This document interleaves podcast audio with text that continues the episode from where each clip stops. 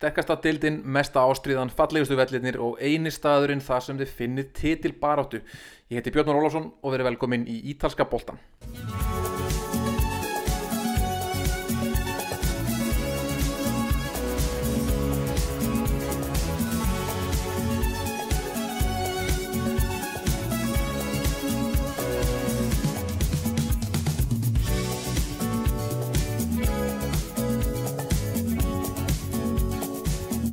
Já, þessum þætti er það einfalt í fjalla aðeins um það besta. Sterkasta deild í heimi, sakat samtökunum EFFHS, hinnum virtu samtökum EFFHS. Deildin þar sem er ekki bannað sína tilfinningar og deildin þar sem samfélagi fyrir ekki á hliðinni þótt eitt þjálfari sér látið taka póka sinn. Þessi þáttur er sem fyrir í bóði Origo og ef þið vantar hýsingar eða rekstra þjónustu, kýttin á origo.is. Alla breytingar eru auðvildari með Origo. Og ef þið vantar auka skjáðið spjaltölfur eða aðra lausnir til að geta double screenað fótballtaleiki, kýttin á vefverslun Origo inn á origo.is. Við viljum ekki missa af Crotone Spezia af því að Benevento Cagliari er á sama tíma. Því það þetta. Þessi þáttur verður með hefbundinu sniði, ég ætla að byrja því að fara yfir leiki vikunar sem, var, sem fyrir var alltaf gerast í Bologna, síðan skoða ég aðeins sögubækunar og þetta sinn ætla ég að skoða enn eina mafíutenginguna í ítalska boltanum, svo ætla ég að fara yfir Íslandingana og leiki komandi viku, en það er stórleikur á dagskrá á sunnudagskvöldið. En við skulum hefja þetta á leikjum Hvernig hefði vikan geta að byrja betur heldur en á leik Fiorentina og Spezia þar sem Fiorentina vann 3-0 sigur. Það var hins vegar gjössamlega hræðilegu leikur í alla staði. Fyrirhálgurinn væri svo leðilegasti sem ég hef séð. Spezia kom inn í leikin í góðu formi, búin að vinna AC Milan vikuna undan 3-0, nei 2-0 eh, eins og frækt er orðið. Þeir hins vegar kom með talsveit mikið að meðslum inn í þennan leik og Fiorentina sömu leiðis. Eh, Fiorentina voru með eh, Castrovilli á bekknum og voru ekki með Ribery Það voru með svolítið vangbróti lið og spetsja sömu leiðis og í fyrirháleik þá mittust leikmenn úr báðum liðum, bæði liðið að gera e, snembúnar skiptingar þannig að þetta var, það er auðvist að leiki álægi að taka sem toll af þessum liðum. En í setniháleik þá kom Castrovilli inn og hann gjössanlega breytti leiknum til í spetra fjörun tína skoraði eitt og lagði upp eitt og það var líka hann Dusan Vlahovic framherrin sem verðist að vera komin í gang. Hún kom með þetta yfir tíu mörg fyrir fjörun tína þessi ungi serbi, þessi 19 áraða 20 hann átti líka eitt mark og assist og Fiorentina vann á lókum 3-0 sigur. Uh, svekkandi hjá Spezia eftir að hafa unnið AC Milan í leiknum á undan. Að aðeins, að fá aðeins tap í þessum leik. Stert hjá Fiorentina að ná aðeins að distansa sig aðeins frá liðunum fyrir neðan þau í fallbarátunni annan leiku var síðan á förstaskvöldið Cagliari Torino. Og það voru fréttir eftir þennan leik vegna þess að Torino vann 1-0 seglu sigur með marki sent í leiknum Brasilíski varnamæðurinn Bremer skoraði 1-0 markið fyrir Torino á 77. mjöndu og uh, þar við satt leikunum fór 1-0 fyrir Torino og Eusebio Di Francesco þjálfari Cagliari var látið taka póka sinn eftir leik. 15 leikir án sigus hjá eigasíkjunum í Cagliari. Di Francesco fekk auðvitað nýjan samning í janúar þegar liðið hafði ekki unnið í svona 8 leiki í rauð liðið ákvaði að standa við baki á þjálfvaranum og gefa hann nýjan samning og gefa hann meiri tíma til að byggja upp liðið en uh, allt kom fyrir ekki og hann var núna rekin eftir 15 leiki án Sigus um, þessi tvö lið eru bæði í pullandi fallbarátu þannig að þetta var stert hjá Torino en þessi lið hafa farið sitt hvora áttina í því að bjerga sér. Og meðan Torino menn hafa rauninni losað sér við leikmenn í januar og reynda að treysta á þá leikmenn sem þeir eru með í liðinu þá uh, er Cagliari búið að bæta við sér leikmennum start og stöðugt. uh, Diego Godin kom fyrir tímabilið Daniele Rugani varnamæður kom frá Juventus í januar um, og þetta eru, já, uh, Quadvo Asamoah uh, fyrir Juventus bakurinn kom líka í januar uh, þannig að þeir eru með stert lið og hafa verið að bæta við sér leikmönnum en liðin er bara ekki að spila sér saman. Og allir þessir gæða leikmenn sem eru með Giovanni Simeone, Joao Pedro Alessio Cranio Markvörðurinn sem hefur verið spilað fullt af landsleikjum fyrir Ítalíu Uruguay Nandes og miðunni er frábæð leikmæður Alfred Duncan kom líka í januar þetta er allt gæða leikmenn en Cagliari þeir ná ekki að stilla strengi sína saman og þetta er að fara að líta ansi ítla út fyrir þá.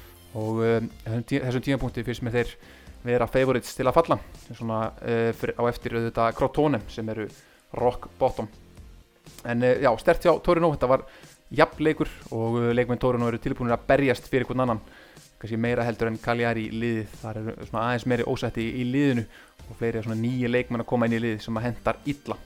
Nú á lögadaginn áttu svo við Lazio og Sampdoria og Lazio vann enn 1-0 seglu sigurinn þar sem að Eh, Spámurinn Luis Alberto skoraði markið. Eh, þessi eh, stórháslega miðjumæður sem hefur átt gott tímabil hjá þeim í deildinni. Simone Inzaghi hann heldur áfram með sína taktík sem ég rætti maður. Skipta mönnum út af á gulu spjaldi strax þeir ótrúðu mikið og mjög stert hjá þeim að ná í sigur í þessum leik. Ég held að þetta hafi verið leiku sem að uh, Ranieri hafi hort til þjálfarið Sampdoria og ætlaði að ná stig út úr. Lazio áttu þetta leik síðan í uh, meistaradeildinni strax í vikun eftir. Þannig að hann hefur búist við því Ranieri að Lazio myndi mæta með svolítið róterandi lið. Og hann stilti mjög sterku lið Ranieri en mjög mikil segla í þessu Lazio liði og flottur 1-0 sigur á Sampdoria, á sterku Sampdoria liði á þessum degi og svo um kvöldið á lögadaginn þar var frábær leikur. Genoa 2, Hellas Verona 2 og það voru gestinir í Verona sem komist yfir í marki frá Luka Ilic og það var okkar maður Antonín Barak Tjekkin með stóðsendinguna röglega eitt svona heitasti leikmaður Tjekka þessa stundina. Það var svo úspekin eh, Eldor Sjómurotov sem jafnaði fyrir eh, Genoa áður en Davide Faraoni kom Hellas Verona yfir. En í uppbóta tíma á 93. mínútu. Alveg í síðustu sokk leiksins eftir hotspillnu skorar Kroatin Milan Badei með eh, svona rebound skoti fyrir utan teg eftir hotspillnu stórgóðslegt mark og Genoa menn fögnuðu þetta eins og þeir hefðu unnið Ídalíu titilinn. Þeir eins og segi voru fallbaratu þegar Davide Hitman Balladini tók við og nú eru við búin að spila einhverja 8-9 leiki held ég nánast án taps og frábær karakter stig að ná í, að hérna stig á móti sterku Hellas Verona liði þau voru ekkert sérstakir í þessu leik Hellas Verona voru svona sterkara aðilinn í við en uh, ótrúleg segla þarna hjá, hjá genóðamönum og svo á lögataskvöldið þar var áhugaður leikur fyrir okkur Íslendingana þegar það mætti Sassuolo Bologna og þessi leikur fór fram í Reggio Emilia, þess að heimavelli Sassolo. Sinisa Mihailovic, þjálfari Bologna, var í óveri í síðustu viku og var áðin óvinsæll og meðal stuðningsmanna sem vildu meina að hann bæri ekki virðingu fyrir þeim og gefa, hafi verið að gera grína þeim. Á æfingarsvæðinu í vikunni fyrir leikin gegn Sassolo þá röllt hann að uh, aðal kapóinum, aðal formannin stuðningsmannahópsins um, uh, sem var að mótmæla fyrir utan æfingarsvæði og rætti við þá, rætti málinn og þeir enduð á að sættast Mihailovic og uh, stuðningshópanir, eða ultrashópanir Þetta er ekkert óalgengt að annarkot fyrirliðar eða þjálfarar þurfa að rölda og spjalla við stuðnismenn sem er að mótmæla fyrir utan aðengarsvæði. Þetta er svona hluta því að vera fyrirliði eða þjálfari í liði á Ítaljum og uh, já, ef liði hefur ekki verið að standa sig þá þarf einhver að svara fyrir það og oftast er það þjálfarin eða fyrirliðin. En uh, í aðbólónileiknum þá komst Bologna yfir með marki frá uh, Roberto Soriano á 17. minútu.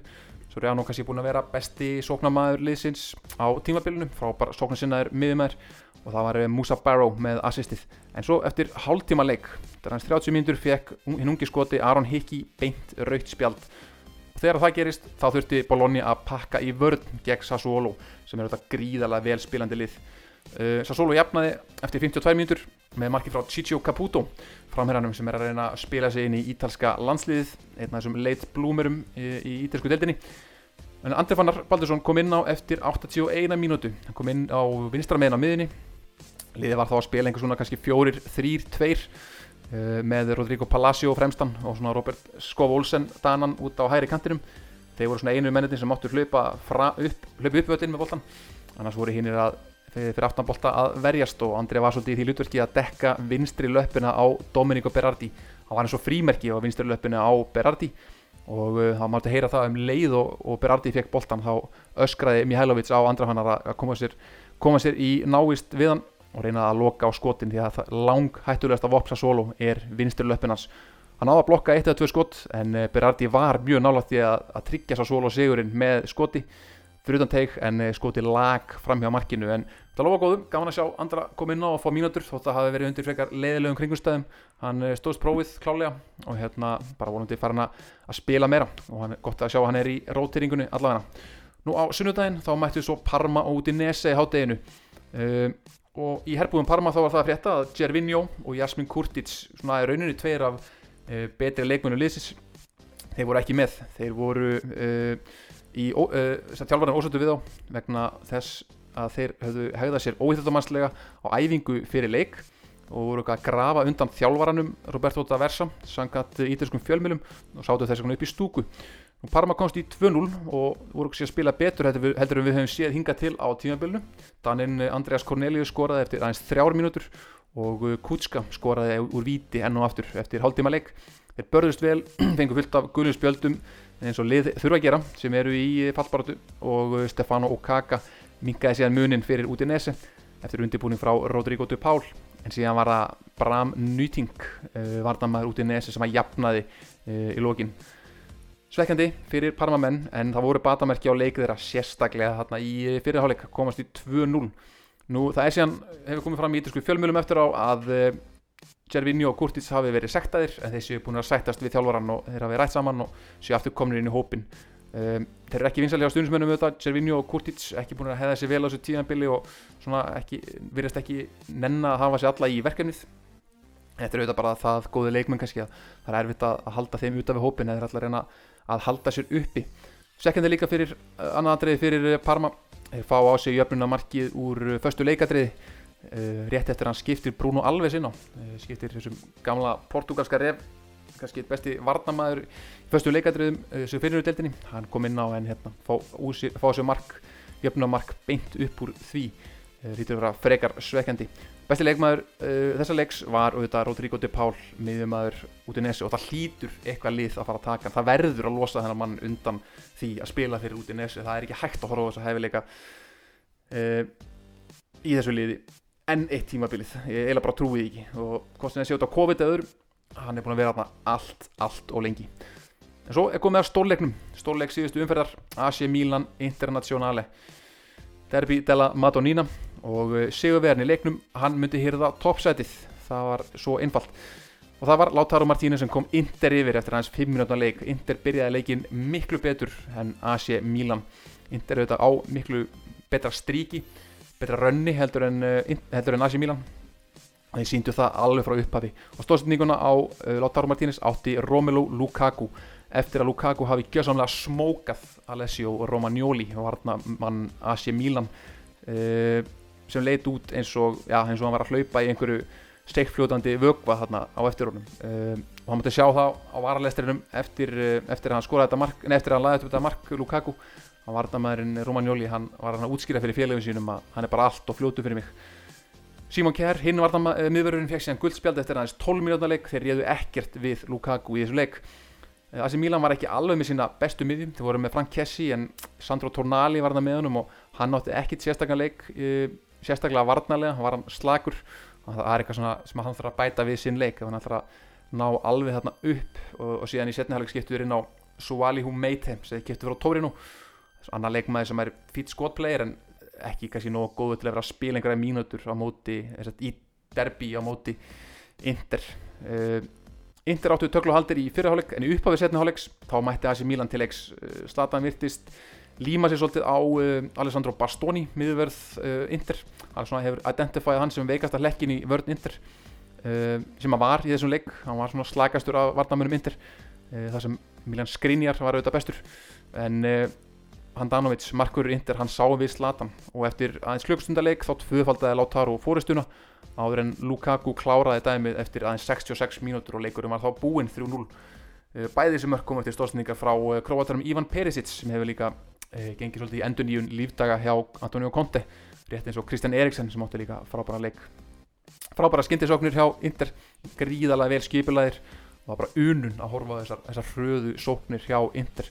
Það minnir svolítið á uh, tímana hjá Chelsea rosalega struktúrerað, rosalega æft, rosalega skýrt, skýrt hlutverk í skindisóknunum í hvað svæðir þetta spila bóltanum og uh, gera þetta frábælega og Romelu Lukaku þetta potturinn og pannan í þessu öllu AC Milan átti þetta gott kortir eins og segi í uh, byrjun síðarahálegs en þeir náðu ekki að ógna almenlega fyrir utan þetta eina kortir og uh, já með þessum sigri fór Inter á toppin og uh, eftir þetta er Zlatan síðan á leiðinni á æfingar í San Remo á tónlistarháttíðina undan keppni ítalska Eurovision þar sem hann fer núna í byrjur mars. Og það er eitt að Zlatan hefur værið að fara á hérna, að taka þátt í undankeppni ítalska Eurovision ef hann væri ef AC Milan var á toppnum.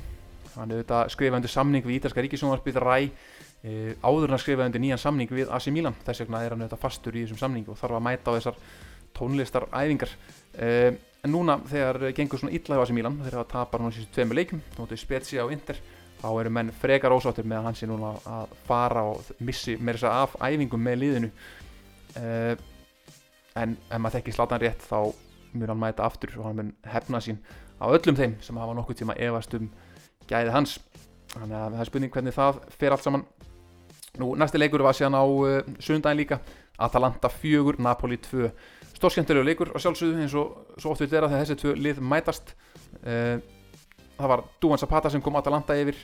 En Piotr Sielinski miðjumæður Napoli jefnaði með stórkurslegu voli uh, tók boltan á lofti eftir flotta stungusendingu Uh, hann hefur búin að vera besti miðjumæður Napoli á tíðanbelinu, búin að spila talsveit betur heldur en Fabian Ruiz sem er svona leikmað sem að margir telli að vera betri en, en Sielinski búin að eiga flott tímabil. En Atalanta eru á mik mikill í siklingu þessa dagana og uh, unnuleikina lögum 4-2 með mörgum frá Gossens og svo voru það Luis Muriel sem skoraði þriðamarkið sem líka var sjálfsögður styrlamark eins og þá svo oft vil vera þegar Luis Muriel á í hlut. Besti leikmaður heims 7 daga ári eins og ég segi alltaf Uh, og svo var það Kristján Romero varnamæðurinn sem einsiklaði fjögur, tvö sigurinn. Nú Benevento mætti svo Róma í kvöldleik uh, sunnundagsins Róma hefði hérna getað saksað á uh, AC Milan sem er í öðru setinu og hefði átt að gera það að með það mæta nýliðum Benevento. En þeim tókst ekki að skora og leikurinn endaði 0-0 Benevento menn vörðust vel mistu sér manna velli eftir klukkutíma leik þannig að Róma var manni fleiri í hálftíma. Eh, endur leikin með tvo framherri einu bæði Edin Dzeko og Borja Majoral en þeim tókst ekki að skora og gríðarlega svekkjandi fyrir Róma sem að rauninni fekk þarna leik gefins til að, til að reyna að saksa á AC Milan.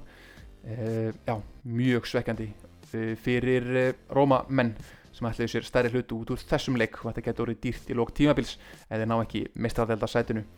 Nú svo á mándaginn þá mættist Juventus og Crotone og það var sjálfsögðu örugur Juventus sigur og hver var sem að skoraði tvö bíluð skallamörk í fyrirháleik það var sjálfsögðu Cristiano Ronaldo. Þeir réðu ekkert við hann Marnamenn Grottone frekar en við, við var að búast. Og uh, þá svo Weston McKennie bandarækjumæðurinn sem skoraði þriðja mark Juventus í síðarháleik Grottone menn gjössanlega vonlausir síndu ekkert í þessu leik. Eh, þetta kannski ekki leikurinn sem að þeir höfðu eh, sett ringi kringum á dagatælunu og ætla sér að ná sigur í. Eh, og já, eins og þessi gjössanlega vonlausir í þessum leik Við skulum þá skoða hvernig staðan í deildin er. Inter er komið á toppin með 53 eh, stygg. AC Milan í öðru seti með 49 stygg. Juventus í þriðja með 45 eh, stygg og leikti góða. Róma í fjörða með 44 stygg. Atalanta í 5. seti og Eðbjöldarsæti með 43 stygg. Lazio líka með 43 í sjötta. En Napoli fyrir utan Eðbjöldarsæti í sjönda seti. Svo kemur svolítið bil neyður í áttundarsætið þar sem Sassuolo lúrir. Hellas Verona í nýjunda og Sampdoria eru sem fyrr geirneldir í tíunda seti það verðast hvort ég geta farið ofar nýja neðar í töflunni nú þeirra bæjarfélagar í Genoa er í 11. seti Bologna í 12. Udinese 13. Fiorentina í 14. Benevento 15. Spezia í 16. seti með 24 stygg Torino réttur ofan fattseti í 17. seti með 20 stygg Cagliari í fattseti með 15 Parma í 19. með 14 og Crotone Rock Bottom með 12 stygg Þá ætlum við að skoða aðeins Evrópu leikina sem voru þessari viku fyrir ítörsk lið.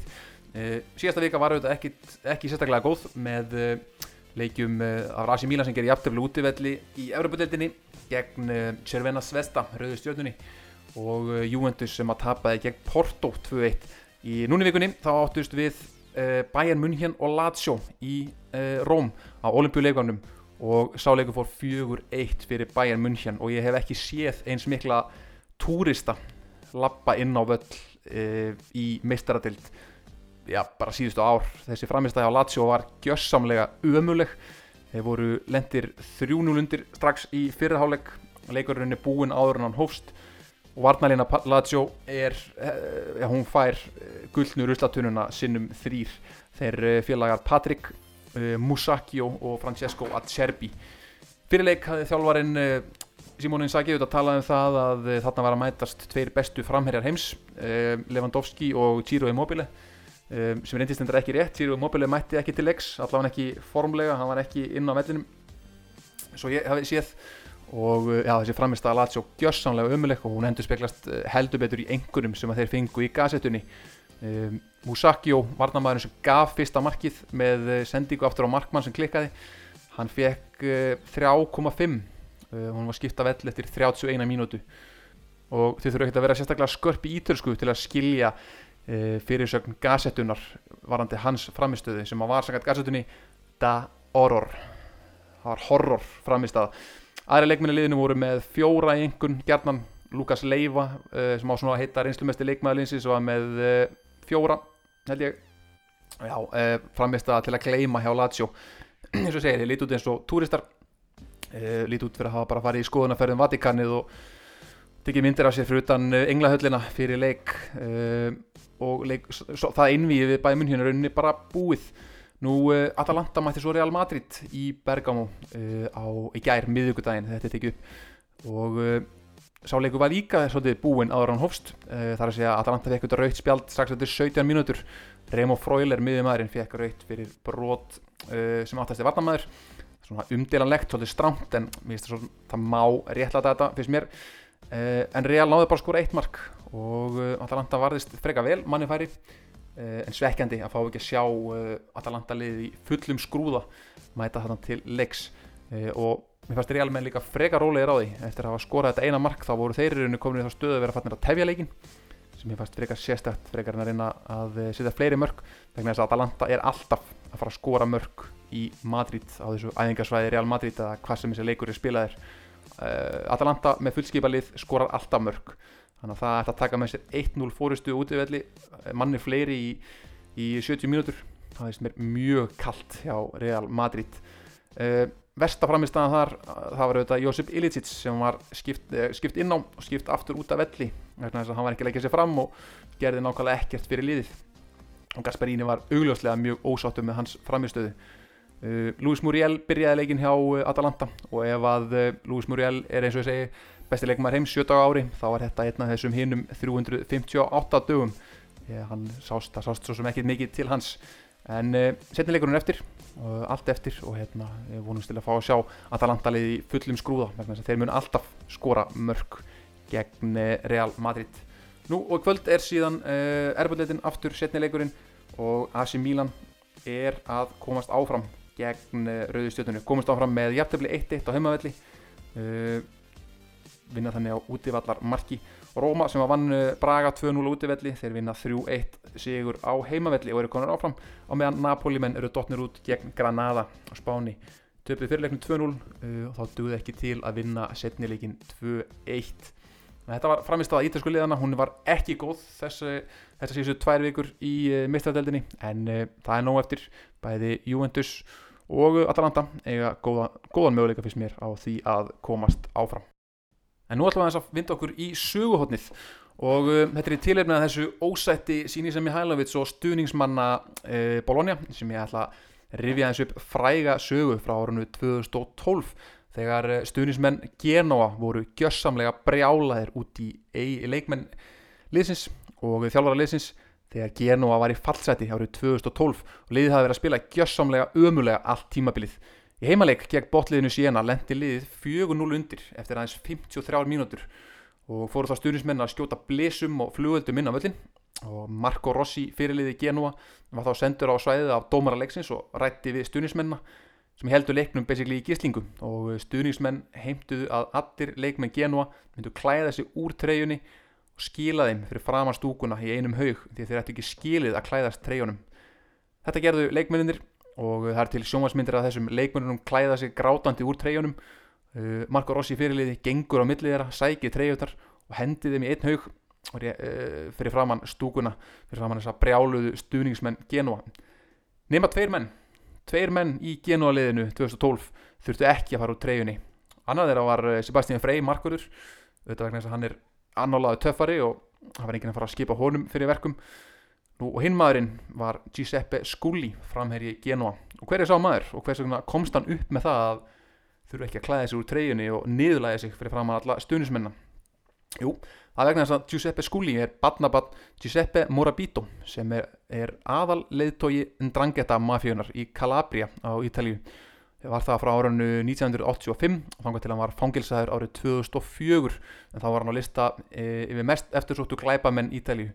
Hann frá 92 til 2004 hann er enn á lífi og ber viðunöfnið Útýradrittu eða The Sharpshooter.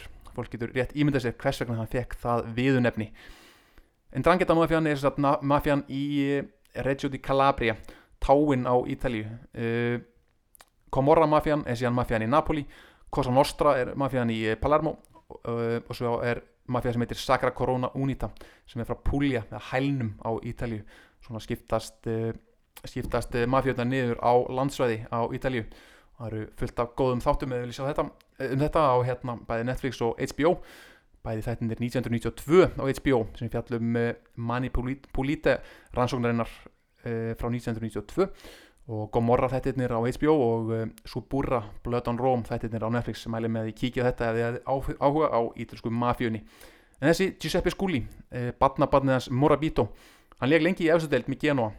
Hann var rauninu uppalinn í Juventus. Hann var frábæð leikmaður sem að leik úlinga landsleiki leik síðan fimm landsleiki fyrir Ólimpjölið Ítalíu en ekki alvöru aðlandsliðið Skulli var á sínum ferli dæmdur uh, einu sunni eða tvísvar fyrir veðmálasvindl og var einnig oft rannsakaður og, uh, út af öðrum málum. Og uh, til eru endalust af símhleirunum á honum þar sem hann er að gera eitthvað misjamt sem hefur verið fjallað um í fjölmjölum stunismenn genum að þorðu þess vegna ekki að drulla yfir hann. Þegar þeir uh, niðurlæðu alla leik með liðsins þá var hann ósnertanlegur og mættu upp í stúku spjallaði við kapóinn í stunisofnum og útskýri fyrir honum að hann væri ekki að fara að klæða sig úr nittni treyju, hann væri að leggja sig fram og uh, já, það þorði enginn að segja neitt við því. Hann átti líka eftir að koma við sögu aftur árið 2012 þegar ítalska landsliði var í æfingabúðum fyrir EM 2012 árið sem Ítalija endaði í öðru seti uh, eftir að tapa úrstæðleiknum gegn Spáni. En þeir voru í æfingabúðum fyrir EM þá mætti ítalska lauruglan fór á stað með ratsjú og var fullt af einstaklingum í ítalsku undirheimunum handteknir vegna gruns um skipulagt veðmálásindl Á meðal þeirra sem voru færið til yfirheyslu voru Domenico Criscito, vinstri bakverður Genoa og Leonardo Bonucci sem hún spila með Juventus. Uh, og Stefano Mauri, leikmaður Lazio, var líka uh, handekinn og síðan dæmdur. Á endanum var Criscito droppað úr ítalska landsinsopnum út af þessu máli. En í ljós kom eftir á að eina sem hann hafi gert, eina sem hann hafi sett til sakaraunnið var að borða hátdegismat með Giuseppe Sculli og einhverjum vafasömmum vinumans og segir hann sér mikið að aðeins einn hátegismættur með Giuseppe Sculli hafi verið nóg til þess að hann hafi verið yfirherður og hafi verið hend út úr ítalska landsliðinu því hann var byrjunleismæður á þessum tíma og hefði öllum líkindum spilað stort utverk á EM þetta árið.